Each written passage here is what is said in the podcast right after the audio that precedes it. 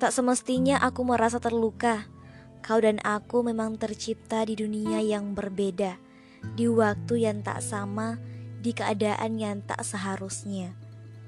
Meski salah satu dari kita berjuang hingga tubuh tak lagi kuat menopang, meski yang satunya lagi mencoba untuk tetap bertahan, kita memang tidak akan pernah bisa ada di dalam satu cerita.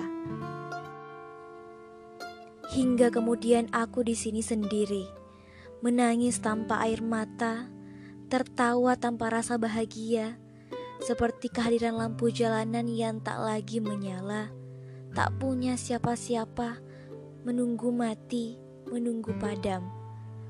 Pada akhirnya aku mengerti, pertemuan kita hanyalah anak-anak tangga untuk menemukan bahagia.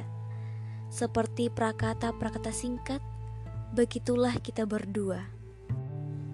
Hanya ada di batas cinta, namun tak berhak berkata-kata.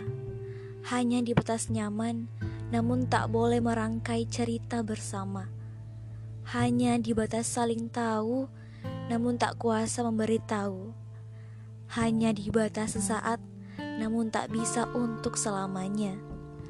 Hanya di batas dekat, namun tak berhak memeluk erat.